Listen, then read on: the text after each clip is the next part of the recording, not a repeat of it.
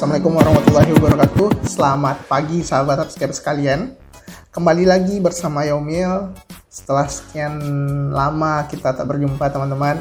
Sehubung juga dengan channel YouTube kita yang sudah diretas oleh pihak yang tidak bertanggung jawab.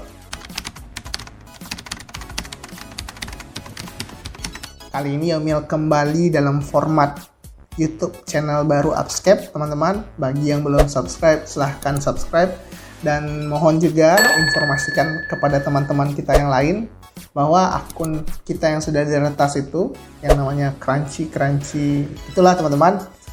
Uh, itu bukan Upscape lagi. Ini adalah channel baru kita YouTube channel Upscape. Oke sahabat Upscape sekalian uh, pada kesempatan kali ini kita akan kembali membahas seputar permintaan dari teman-teman sekalian uh, mengenai pembahasan soal-soal atau prediksi soal-soal tes kemampuan bidang keperawatan yang sering keluar dalam pelaksanaan CPNS. Dan pada kesempatan kali ini, Yomil akan bahas beberapa soal yang ibaratnya ini merupakan konten-konten atau topik-topik soal yang keluar pada pelaksanaan CPNS di tahun lalu. Semoga bermanfaat teman-teman sekalian. So let's check this out. Soal yang pertama. Nah, sebagaimana yang kita ketahui teman-teman, beberapa salah satu topik yang sering keluar dalam pelaksanaan tes kemampuan bidang perawat itu adalah topik mengenai hari-hari besar kesehatan. Nah, pada soal yang pertama ini kita akan bahas mengenai hari besar terkait dengan sejarah BKKBN ya, yang berkaitan dengan program KB.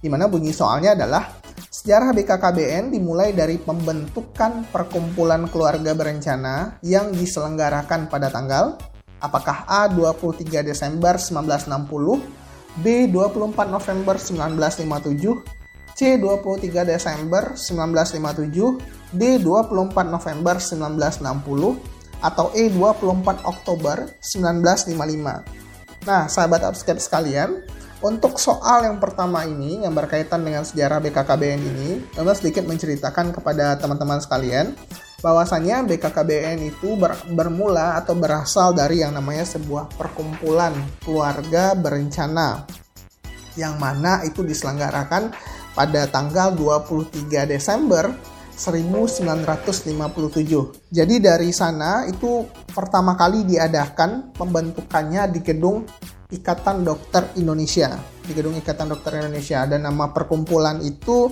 berkembang menjadi Perkumpulan Keluarga Berencana Indonesia atau yang disingkat dengan PKBI atau juga uh, dikenal dengan Indonesia Plan Parenthood Federation IPPF di mana uh, PKBI atau IPPF ini tujuan utamanya itu adalah memperjuangkan terwujudnya keluarga-keluarga yang sejahtera melalui tiga macam usaha pelayanan.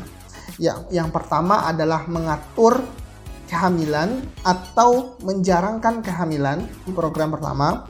Kemudian yang kedua, mengobati kemandulan. Serta yang ketiga, memberikan nasihat terkait dengan perkawinan. Nah ini adalah tiga, tiga visi awal atau tiga usaha pelayanan awal didirikannya PKBI ini. Nah, pada tahun 1967, PKBI itu diakui sebagai badan hukum oleh Departemen Kehakiman di waktu itu dan dengan adanya kelahiran Orde Baru pada saat itu di mana fokus dari Orde Baru waktu itu juga terkait masalah kependudukan sehingganya PKB ini makin lama makin berkembang dan menjadi salah satu program yang menjadi salah satu program yang diprioritaskan oleh pemerintahan Indonesia hingga saat sekarang ini. Nah, jadi terkait dengan sejarah BKKBN tadi, sahabat harus sekalian, itu bermula dari yang namanya PKBI, Persatuan Keluarga Berencana Indonesia, yang mana itu perkumpulan awalnya dibentuk pada tanggal 23 Desember 1957 di Gedung Ikatan Dokter Indonesia. Jadi untuk soal yang pertama ini, jawaban yang tepat itu adalah opsi C, 23 Desember 1957. Kita lanjut ke soal yang kedua. Soal yang kedua ini membahas terkait dengan topik puskesmas. Jadi salah satu juga teman-teman sekalian topik yang sering keluar di TKB tahun lalu itu berkaitan dengan pusat kesehatan masyarakat atau puskesmas dan rumah sakit. Ya, jadi usahakan teman-teman paham terkait dengan aturan-aturan yang berkaitan dengan puskesmas dan rumah sakit dan juga paham mengenai konten-konten atau beberapa topik-topik yang berkenaan dengan isu-isu puskesmas dan rumah sakit yang terbaru. Nah, sekarang pada soal yang kedua ini bunyinya adalah berikut adalah jenis tenaga kesehatan yang harus ada di setiap puskesmas kecuali apakah A dokter layanan primer, B perawat, C. Bidan, D. Radiografer, atau E. Ahli Teknologi Laboratorium Medik. Nah, kira-kira apa nih jawaban sahabat Upscape sekalian untuk soal yang kedua? Oke, jawaban yang tepat teman-teman itu adalah opsi D. Radiografer. Jadi, terkait dengan puskesmas ini, sahabat sekalian, itu telah diatur dalam suatu peraturan Menteri Kesehatan PMK nomor 75 tahun 2014 dan terkait dengan jenis tenaga kesehatan yang harus ada di puskesmas, itu teman-teman bisa lihat di pasal 16 ayat 2-nya, di mana di sana detail teman-teman sekalian dijelaskan bahwasanya jenis tenaga kesehatan yang ada di puskesmas itu terdiri atas pertama A, dokter atau dia atau dispesifikan dokter layanan primer atau dokter umum. Yang kedua itu ada dokter gigi, ada perawat, ada bidan, ada tenaga kesehatan masyarakat, ada tenaga kesehatan lingkungan atau tenaga kesling, terus ada ahli teknologi laboratorium medik atau sekarang kita sebutnya sebagai analis kesehatan. Terus kemudian yang kedelapan itu ada ahli gizi atau tenaga gizi dan juga yang kesembilan itu adalah tenaga kefarmasian. Nah, sahabat subscriber sekalian, jadi kalau kita rujuk ke aturan yang mengatur terkait dengan puskesmas, PMK nomor 75 tahun 2014, maka tenaga jenis tenaga kesehatan yang tidak harus ada di puskesmas itu adalah radiografer. Nah, kalau ada pertanyaan misalnya misalnya di suatu puskesmas terdapat radiografernya, apakah itu melanggar aturan? Tentu tidak, teman-teman. Yang melanggar aturan jikalau jikalau jenis tenaga kesehatan yang terlampir di PMK ini tidak ada di puskesmas tersebut. Namun jikalau ada, itu tidak melanggar aturan. Demikian kira-kira ya, jadi bisa kita simpulkan bahwa jawaban yang kedua yang berkaitan dengan jenis tenaga kesehatan yang tidak harus ada di puskesmas itu adalah opsi D, radiografer. Demikian sahabat obskur sekalian. Lanjut pada soal berikutnya, soal yang ketiga mengenai Nusantara Sehat. Nah, topik Nusantara Sehat atau yang berkenaan dengan program Kemenkes ini teman-teman sekalian patut juga teman-teman catat dan teman-teman pelajari kapan mulai dilakukannya program, kapan mulai diluncurkannya program ini, terus apa visi dan misi dari program ini, menteri siapa yang yang melaunching ini, terus kemudian ini tujuannya untuk apa. Nah, hal-hal semacam itu teman-teman harus catat dan harus teman-teman harus pelajari untuk persiapan TKB yang lebih baik. Nah, untuk soal yang ketiga ini yang berkenaan dengan Nusantara Sehat ini ditanyakan adalah apakah lingkup penguatan Yankes Primer atau layanan kesehatan primer yang menjadi misi dari program Nusantara Sehat? Apakah A. Fisik, di mana itu adalah pembenahan infrastruktur, sarana pembenahan fasilitas, dan sumber daya manusia, penguatan tenaga kesehatan? Apakah B. Mengenai pembenahan infrastruktur dan SDM saja? atau C cuma SDM saja atau yang D sarana pembenahan fasilitas dan penguatan sumber daya kesehatan atau E ada fisik, pembenahan infrastruktur, ada sarana, pembenahan fasilitas, ada ekonomi mengenai kesejahteraan masyarakat, dan juga ada SDM, penguatan tenaga kesehatan. Kira-kira mana nih yang menjadi lingkup penguatan Yankes Primer dari program Nusantara Sehat? Oke, jawabannya itu adalah opsi A, sahabat subscribe sekalian, di mana fokus dari penguatan Yankes Primer dalam program Nusantara Sehat itu melingkupi tiga, tiga aspek. Pertama dari fisiknya itu adalah pembenahan infrastruktur dari fasilitas layanan kesehatan primer terutama. Terus kemudian yang kedua sarana pembenahan fasilitas-fasilitas kesehatan yang ada. Dan juga yang ketiga itu adalah sumber daya manusia penguatan tenaga kesehatan yang ditempatkan di daerah-daerah yang menjadi fokus dari Nusantara Sehat itu sendiri. Soal yang keempat berkaitan dengan gerakan masyarakat hidup sehat atau yang biasa kita kenal dengan istilah germas. Nah, pada topik germas ini sahabat Upscape sekalian, pesan dari Yaumil adalah sahabat Upscape sekalian pahami landasan berdirinya program ini, kapan berdirinya program ini, terus apa-apa saja menjadi fokus dan prioritas program ini, dan update-update terbaru berkaitan dengan perkembangan program ini. Nah, hal-hal tersebutlah yang sahabat Upscape perlu explore karena konten atau topik mengenai germas ini juga banyak keluar di soal TKP pada tahun lalu. Nah, pada soal yang keempat ini itu ditanyakan, kapan program Gerakan Masyarakat Hidup Sehat atau Germas ini pertama kali dicanangkan? Apakah di tahun 2013, 2014, 2015, 2016, atau 2017? Nah, bagi sahabat Upscape uh, sekalian, yang mungkin juga sudah tahu ya bahwasanya Program Gerakan Masyarakat Hidup Sehat atau yang biasa kita kenal dengan Germas ini pertama kali itu dicanangkan pada puncak peringatan Hari Kesehatan Nasional pada tanggal 12 November tahun 2016 yang waktu itu adalah HKN ke-52 yang mengusung tema Indonesia Cinta Sehat dengan subtema Masyarakat Hidup Sehat Indonesia Kuat. Jadi jawaban yang tepat untuk soal yang keempat ini, program Gerakan Masyarakat Hidup Sehat atau Germas ini pertama kali dicanangkan itu adalah di tahun 2016. Jawaban yang tepat adalah opsi D. Demikian sahabat upscare sekalian. Sekarang kita masuk pada soal yang kelima berkaitan dengan Sustainable Development Goals atau yang biasa kita kenal dengan SDGs. Nah, sahabat upscale sekalian, berkaitan dengan SDGs ini kan konteksnya luas sekali, teman-teman. Untuk persiapan TKB, saran dari Omil adalah teman-teman fokus untuk bahas program-program SDGs yang menjurus ke aspek kesehatannya. Bahas terkait itu dan apa sih program-program yang disediakan oleh Kementerian Kesehatan yang dalam hal ini menjadi penanggung jawab dan juga sekaligus eksekutor dari program SDGs ini terutama di bidang kesehatan. Nah, pada soal yang kelima ini teman-teman, itu konteks soalnya berkaitan dengan berikut termasuk dalam prinsip pelaksanaan dari Sustainable Development Goals atau yang biasa kita kenal dengan SDGs yaitu apakah A solidity, B integration, atau C competition, D collaboration, atau E unity. Nah kira-kira apa nih sahabat sekalian jawabannya? Apa yang termasuk prinsip pelaksanaan dari Sustainable Development Goals atau SDGs ini? Oke, jawaban sahabat subscribe sekalian tepat sekali. Bahwasanya SDGs ini teman-teman itu prinsip laksananya ada tiga. Pertama itu adalah universality.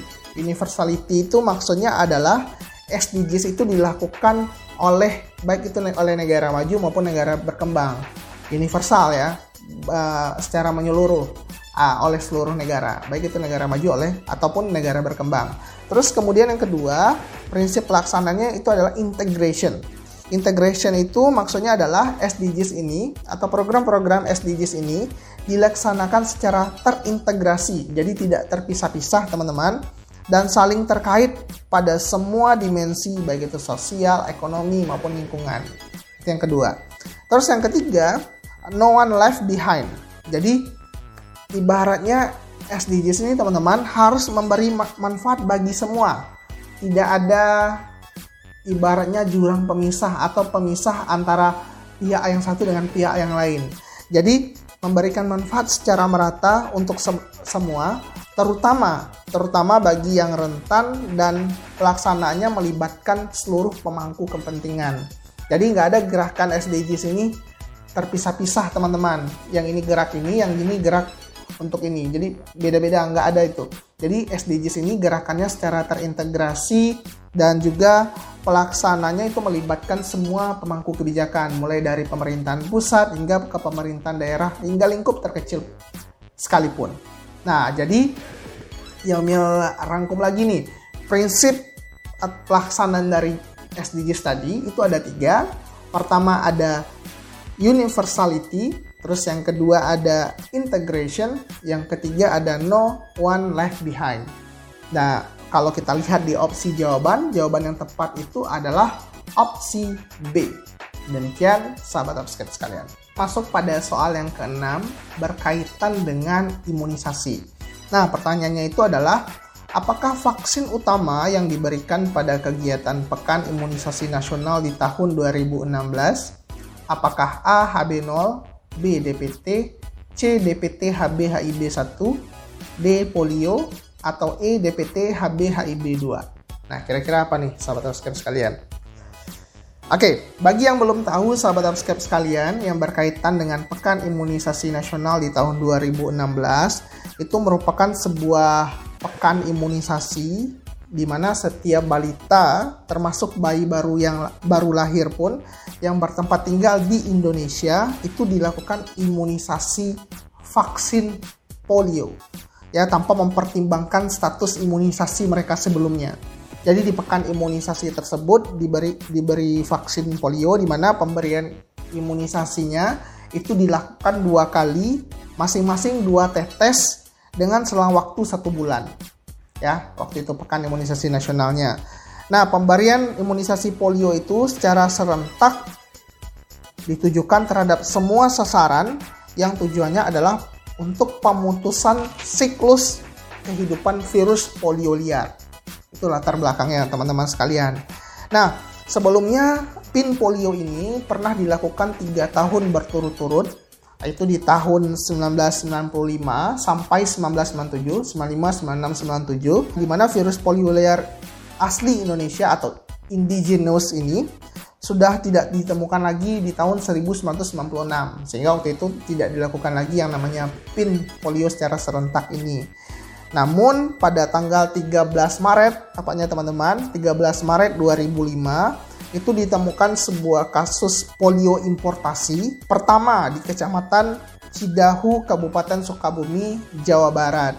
Dan kasus polio tersebut berkembang menjadi KLB yang menyerang 305 orang dalam kurun waktu 2005 sampai 2006 sampai awal 2006 ya di tahun 2005 sampai awal 2006 Nah, KLB ini tersebar waktu itu di 47 kabupaten kota di 10 provinsi. Selain itu juga ditemukan 46 kasus yang berkaitan dengan vaksin verified polio virus atau VDPV, yaitu kasus polio yang disebabkan oleh virus dari vaksin yang terjadi apabila anak tidak diimunisasi, sahabat Upscape. Dan waktu itu di mana 45 di antaranya itu tersebar di semua kabupaten di Pulau Madura dan satu kasus itu di Probolinggo, Jawa Timur.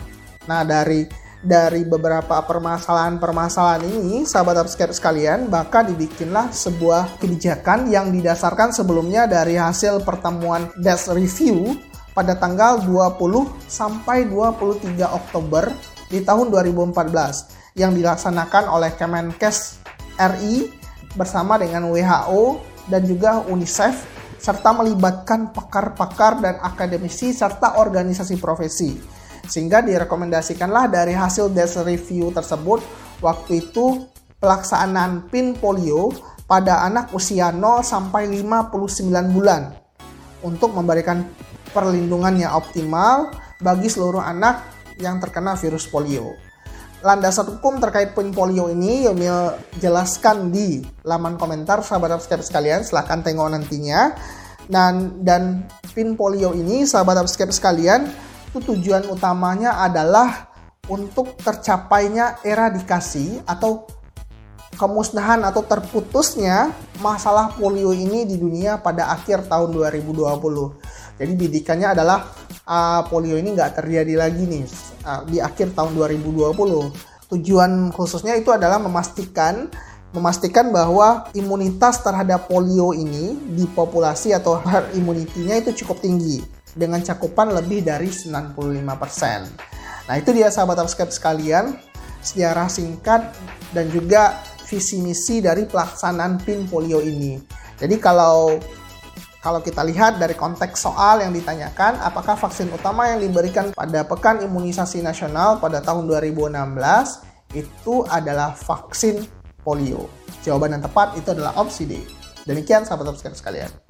Sekarang kita masuk pada soal yang ketujuh berkaitan dengan keluarga berencana. Kalau di soal yang pertama kita tadi membahas mengenai sejarah KB, sekarang ini kita membahas mengenai metode KB yang efektif. Nah, bunyi soalnya adalah seorang perempuan 31 tahun post seksio cesaria hari rawatan ke-10 dengan status obstetrik P2A0 datang ke puskesmas untuk berkonsultasi penggunaan KB. Klien mengatakan ingin menggunakan KB yang tidak mengganggu produksi ASI, mudah dilakukan, harga terjangkau dan ekonomis. Dan klien menceritakan bahwa dia memiliki riwayat hipertensi dan varises vulva. Kira-kira apakah metode KB yang efektif diberikan untuk klien?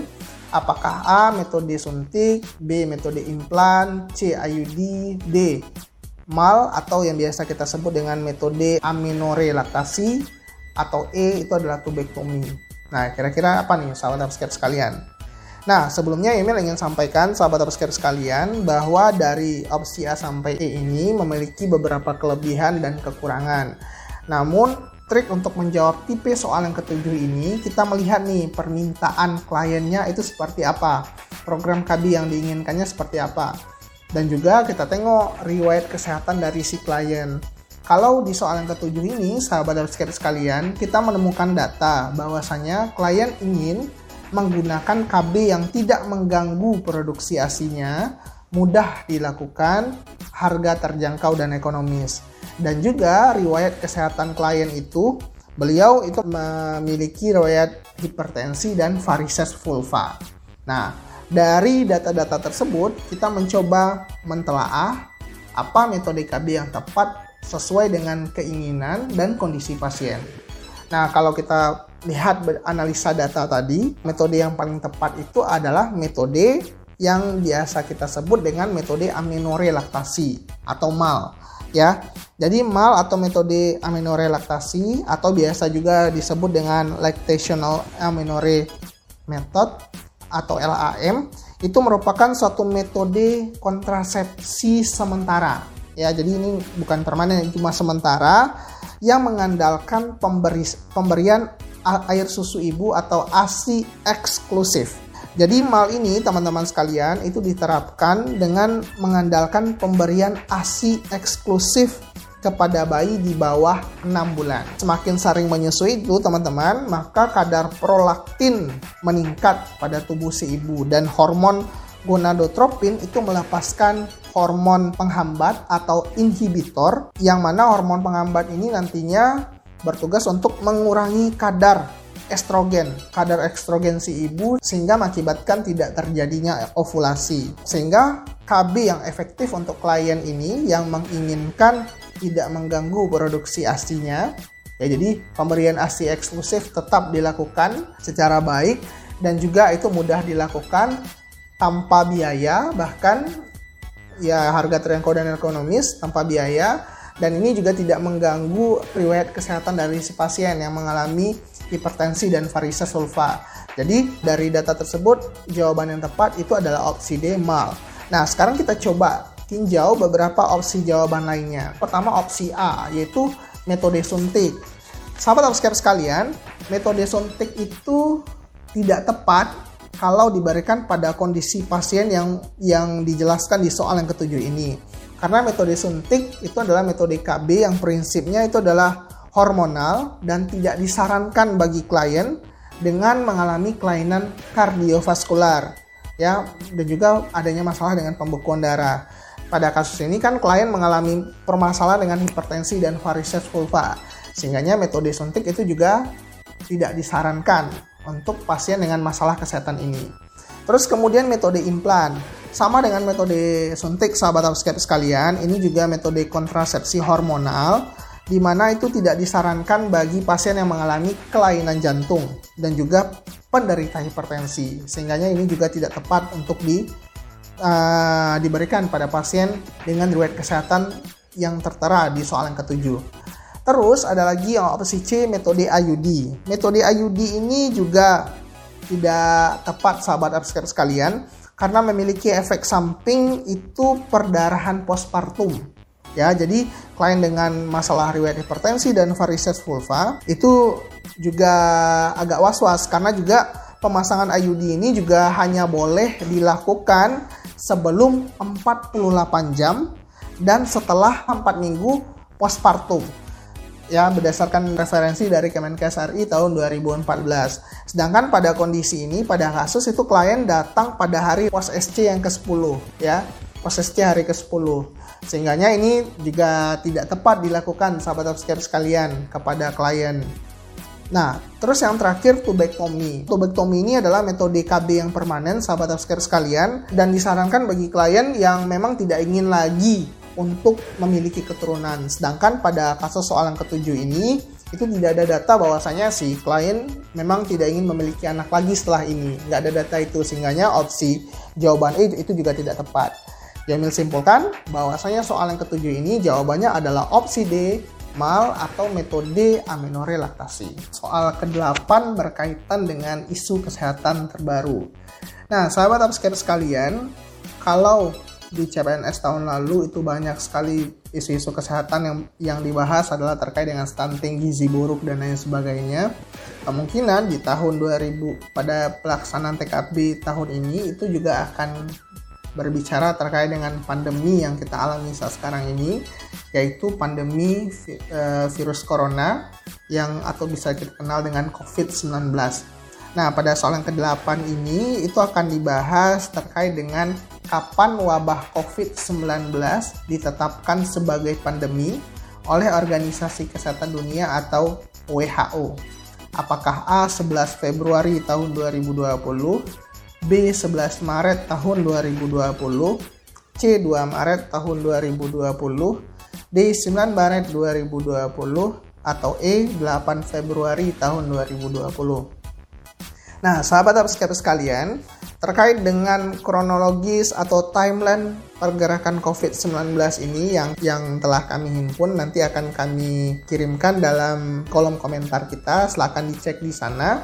Tapi Yomil ingin jelaskan sahabat subscriber sekalian bahwasanya wabah COVID-19 ini ditetapkan oleh WHO sebagai pandemi global itu tepatnya pada tanggal 11 Maret tahun 2020 sahabat subscriber sekalian. Di mana di tanggal tersebut itu pertama kali juga Indonesia mengumumkan kematian pertama akibat virus corona itu salah seorang pasien yang menjalani perawatan di RS Sanglah Bali. Ya, jadi 11 Maret 2020 itu juga bertepatan dengan adanya korban pertama yang meninggal di Indonesia akibat COVID-19.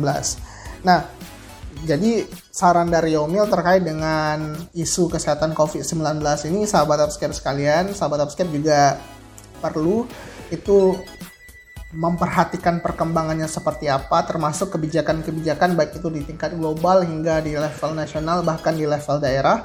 Jadi perlu dipantau beberapa program-program pemerintah baik itu baik itu dari, dari skala global ya dari level WHO hingga pemerintah di Indonesia.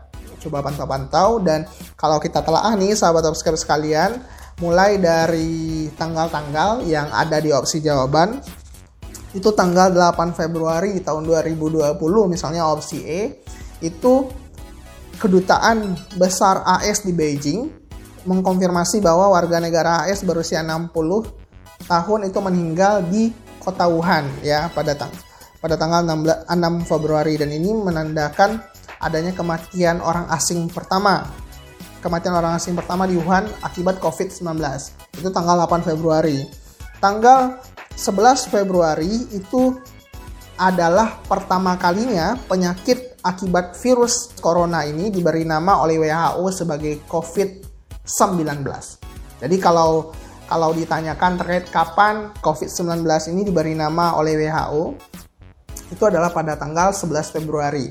Terus lanjut 9 Maret sahabat sekalian, itu berkaitan dengan Presiden Conte, Presiden Italia itu mengumumkan bahwa seluruh negara Italia itu di lockdown itu di tanggal 9 Maret 2020 dan pada tanggal 11 Maret 2020 itu adalah waktu di mana WHO mengumumkan bahwasanya COVID-19 ini ditetapkan sebagai pandemi global. Demikian sahabat sekalian sehingga bisa kita simpulkan bahwasanya jawaban yang tepat untuk soal yang ke-8 ini adalah opsi B 11 Maret 2020. Demikian sahabat sekalian. Kita masuk pada soal yang ke-9 berkaitan dengan Kementerian Kesehatan.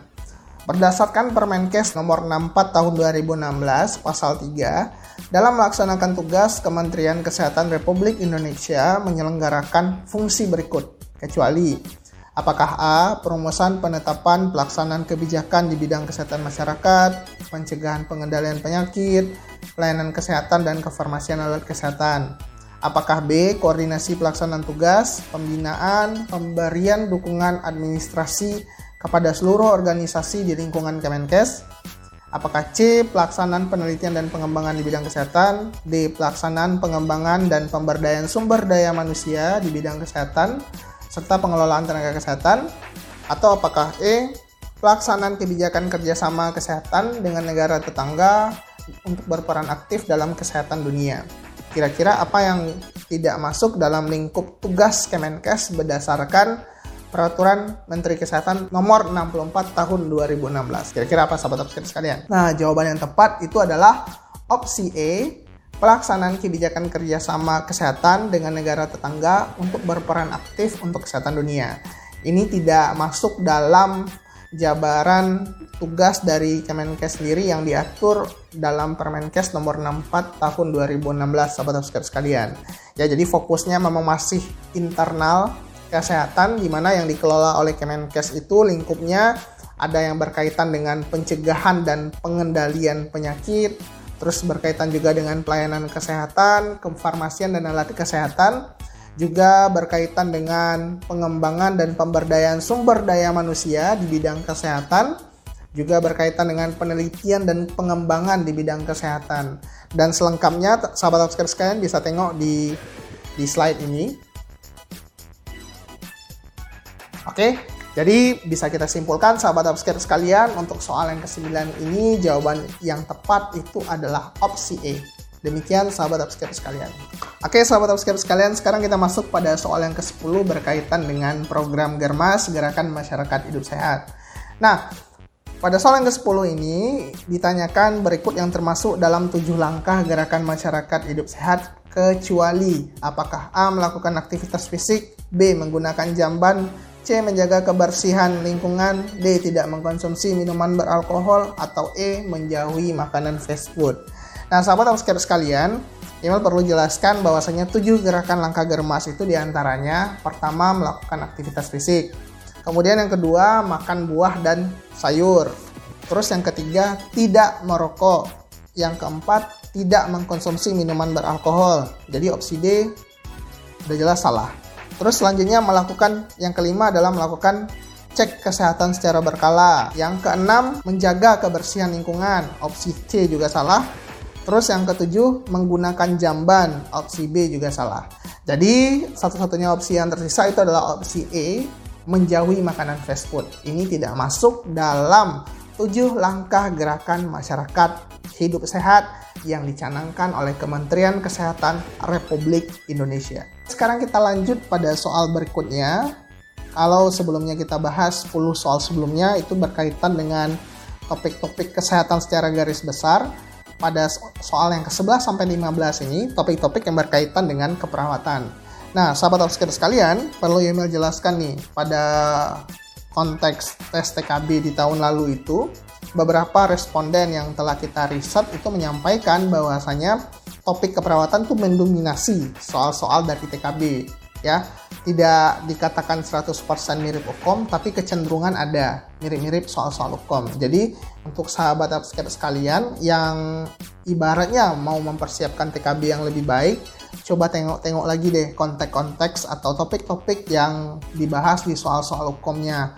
Meskipun tidak mirip 100%, namun soal-soal TKB ini di tahun lalu itu levelnya lebih mudah daripada UKOM. Sehingga ini juga bisa menjadi tambahan referensi bagi sahabat subscriber sekalian.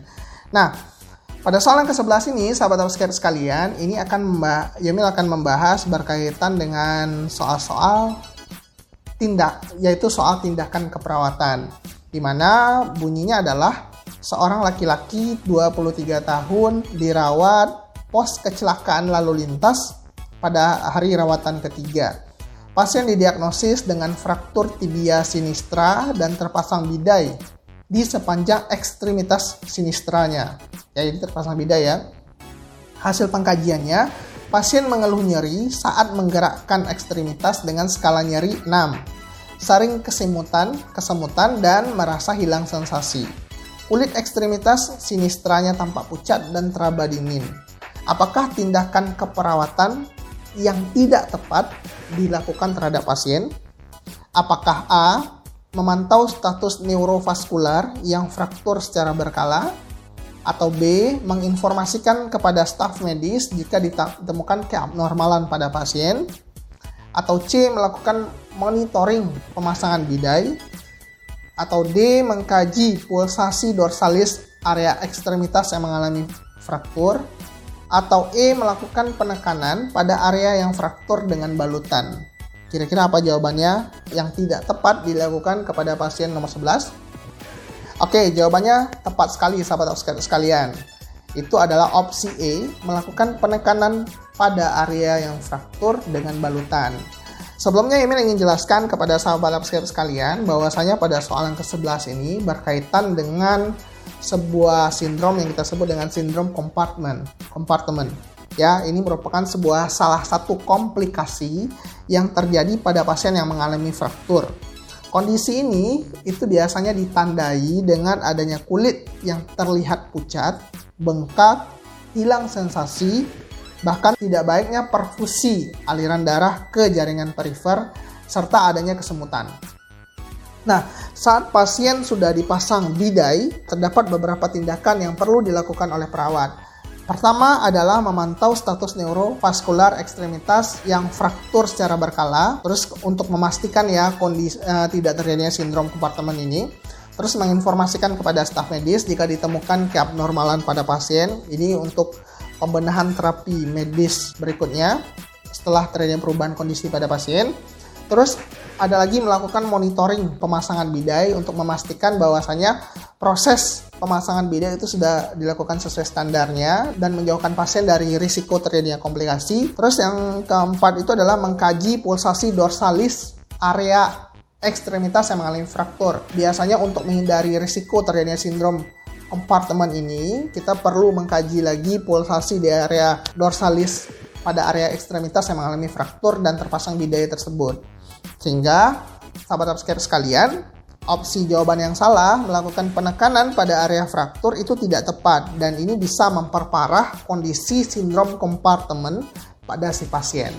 Sehingga jawaban yang tepat pada soal yang ke-11 ini adalah opsi E, melakukan penekanan pada area yang fraktur dengan balutan. Demikian sahabat subscriber sekalian. Sekarang kita lanjut pada soal yang ke-12 berkaitan dengan prosedur tindakan keperawatan. Nah, pada soal yang ke-12 ini sahabat subscriber sekalian, ini juga relevan juga dengan uh, hasil riset kita pada pelaksanaan TKB tahun lalu bahwasanya ada beberapa soal-soal yang ditanyakan berkaitan dengan prosedur tindakan. Nah, prosedur tindakannya itu tidak tindakan-tindakan keperawatan yang dalam dalam level kompleks sahabat subscribe lebih ke arah level dasar seperti pemasangan infus, kemudian ada terapi intravena, terus kemudian juga injeksi, pemasangan NGT, kateter dan lain sebagainya. Dan pada soal yang akan Emil bahas ini, kita akan membahas terkait dengan prosedur tindakan pemasangan NGT. Bunyi soalnya adalah seorang laki-laki 43 tahun dirawat di rumah sakit dengan stroke hari pertama hasil pengkajian ditemukan disfagia positif, terus kemudian pasien dipasang untuk pemenuhan nutrisi. Perawat kemudian menyiapkan alat pemasangan NGT. Ketika selang memasuki, ketika selang sudah dimasuki melalui hidung, Pasien mengatakan ingin muntah. Kira-kira apa tindakan selanjutnya yang tepat dilakukan oleh perawat? Apakah A. Memberi jeda sebentar hingga pasien tidak merasa mual? Atau B. Tetap memasukkan dengan gerakan memutar? C. Tarik selang keluar dari hidung? D. Meminta pasien menelan NGT? Atau E. Menambah jeli pada selang? Kira-kira apa jawabannya sahabat subscriber sekalian? Ini kondisinya saat dilakukan pemasangan, selang sudah melalui hidung, terus pasien mengatakan ingin muntah. Kira-kira apa yang ingin, apa yang tepat dilakukan oleh perawat? Oke, jawabannya tepat sekali sahabat subscriber sekalian. Ketika hal ini terjadi, itu tindakan yang tepat dilakukan perawat adalah tarik kembali selang keluar dari hidung. ya jadi tidak dipaksakan untuk masuk selangnya untuk prosedur pemasangan EGT sahabat subscribe sekalian itu kita akan tampilkan melalui video. Video nantinya silahkan sahabat subscribe tonton. Prosedur tindakan NGT sesuai standarnya. Dan ketika terjadinya kondisi seperti pada soal tadi maka yang dilakukan oleh perawat itu adalah menarik kembali selang yang sudah masuk melalui hidung tadi keluar dari hidung kembali. Kita bisa simpulkan bahwasanya jawaban yang tepat untuk soal yang ke-12 ini adalah opsi C, tarik selang keluar dari hidung. Demikian sahabat upscape sekalian. Oke, sahabat upscape sekalian, sekarang kita masuk pada soal yang ke-13 berkaitan dengan materi keperawatan. Di soal yang ke-13 ini, itu kasusnya adalah seorang laki-laki 35 tahun dengan efusi pleura dirawat di bangsal rumah sakit sejak tiga hari yang lalu.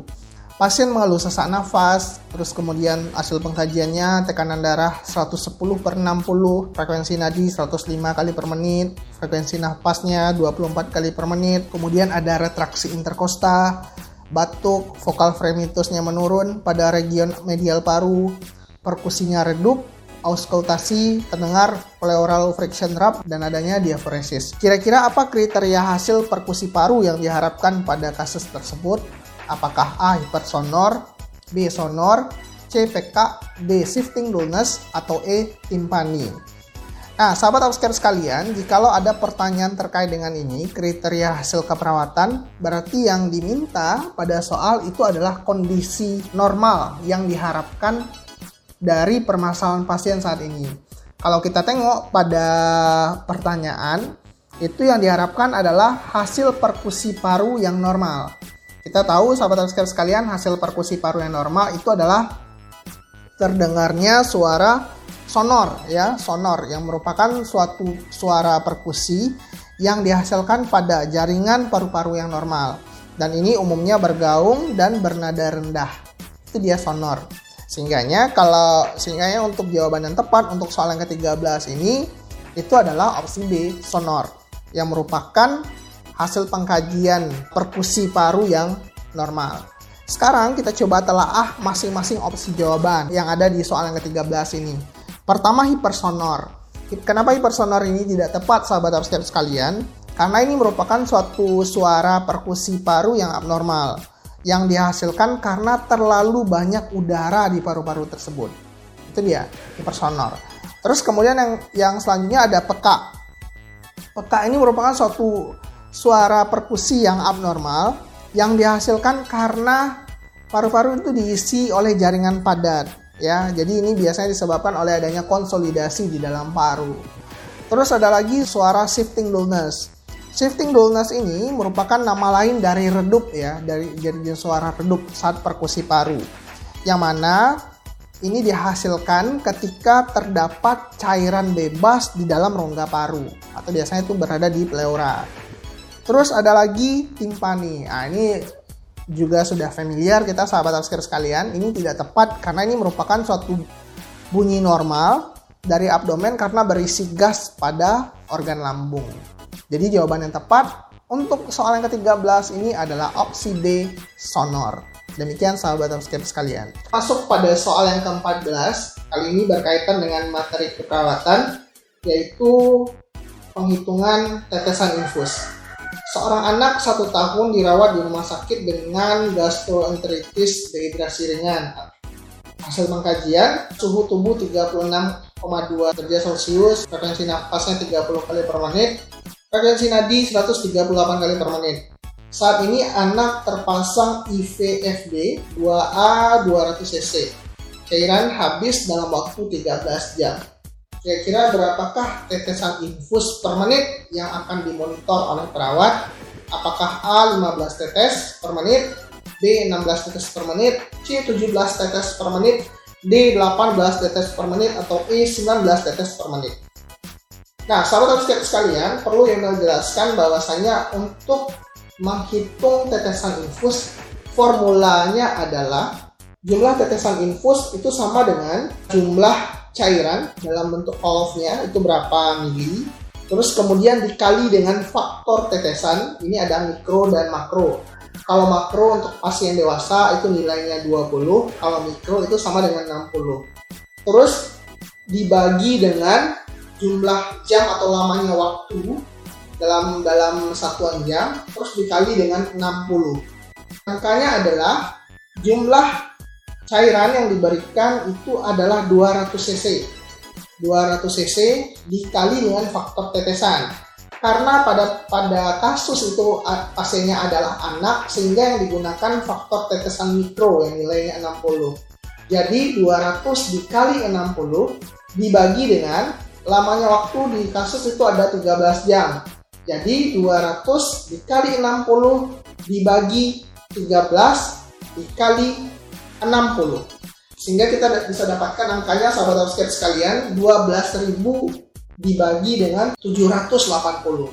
Sehingga didapatkan angka hasil pembagian tersebut adalah 15,38 dan kita bulatkan menjadi 15 tetes per menit. Jadi opsi jawaban yang tepat untuk soal yang ke-14 ini adalah opsi A 15 tetes. Demikian sahabat upscape sekalian. Baik sahabat upscape sekalian, sekarang kita masuk pada soal yang terakhir, soal yang ke-15. Sebelumnya kita sudah membahas terkait dengan penghitungan tetesan infus. Nah, soal 15 kali ini kita akan membahas penghitungan dosis obat. Bunyinya adalah seorang anak 6 tahun dirawat dengan demam tifoid. Hasil pengkajian, anak demam hilang timbul, merasa mual, badan lemah dan tidak mau makan. Anak mendapatkan terapi ceftriaxone 500 mg per 12 jam dengan sediaan obat ceftriaxone berisi 1 gram per vialnya yang diencerkan dengan Aquades hingga 10 cc. Berapakah dosis obat yang diinjeksikan kepada anak? Apakah A 0,05 cc, B 2,5 cc, C 5 cc, D 20 cc, atau E 50 cc. Nah, sahabat upscape sekalian, jikalau ada konteks soal seperti ini pada kasus, kita perlu analisa satu persatu terlebih dahulu. Komponen-komponen apa yang harus ada dalam penghitungan dosis obat? Pertama, yang harus ada itu kita ketahui nih sahabat upscape sekalian di kasus itu anak mendapatkan terapi ceftriaxone 500 mg dalam 12 jam. Sedangkan sediaan obat yang ada itu cuma berisi 1 gram yang dalam kurung 1000 mg dengan pelarut Aquades 10 cc. Dan jumlah sediaan yang ada itu adalah 10 cc, jumlah sediaan Aquadesnya. Rumus dalam penghitungan dosis obat sama dengan dosis order yang dianjurkan dibagi dengan dosis sediaan dikali dengan jumlah sediaan. Yang ketiganya tadi udah kita bahas ya. Dosis ordernya itu sama dengan 500 mg. Terus kemudian dosis sediaannya itu ada 1 gram atau bisa setara dengan 1000 mg dikali dengan uh, jumlah sediaan yang ada dikali dengan jumlah sediaan yang ada itu adalah 10 cc. Jadi bisa kita hitung 500 dibagi dengan 1000 dikali dengan 10 cc sehingga didapat sehingga didapatkanlah angka 5 cc. Jadi opsi jawaban yang tepat untuk soal yang ke-15 ini adalah opsi C 5 cc. Demikian sahabat upscape sekalian. Oke sahabat upscape sekalian, demikian video pembahasan soal kita kali ini. Terima kasih banyak kepada sahabat Upscape yang telah meluangkan waktunya untuk menonton video pembahasan soal kali ini. Dan jangan lupa sahabat Upscape sekalian silahkan klik tombol subscribe di YouTube channel kita, dukung YouTube channel kita untuk terus lebih baik dan lebih baik lagi. Dan jika lo ada konten-konten yang ingin sahabat Upscape saya bahas di, kon di konten pembahasan soal berikutnya, silahkan sahabat Upscape ketik di kolom komentar kita. Terima kasih banyak dan sampai jumpa lagi di pertemuan berikutnya. Assalamualaikum warahmatullahi wabarakatuh.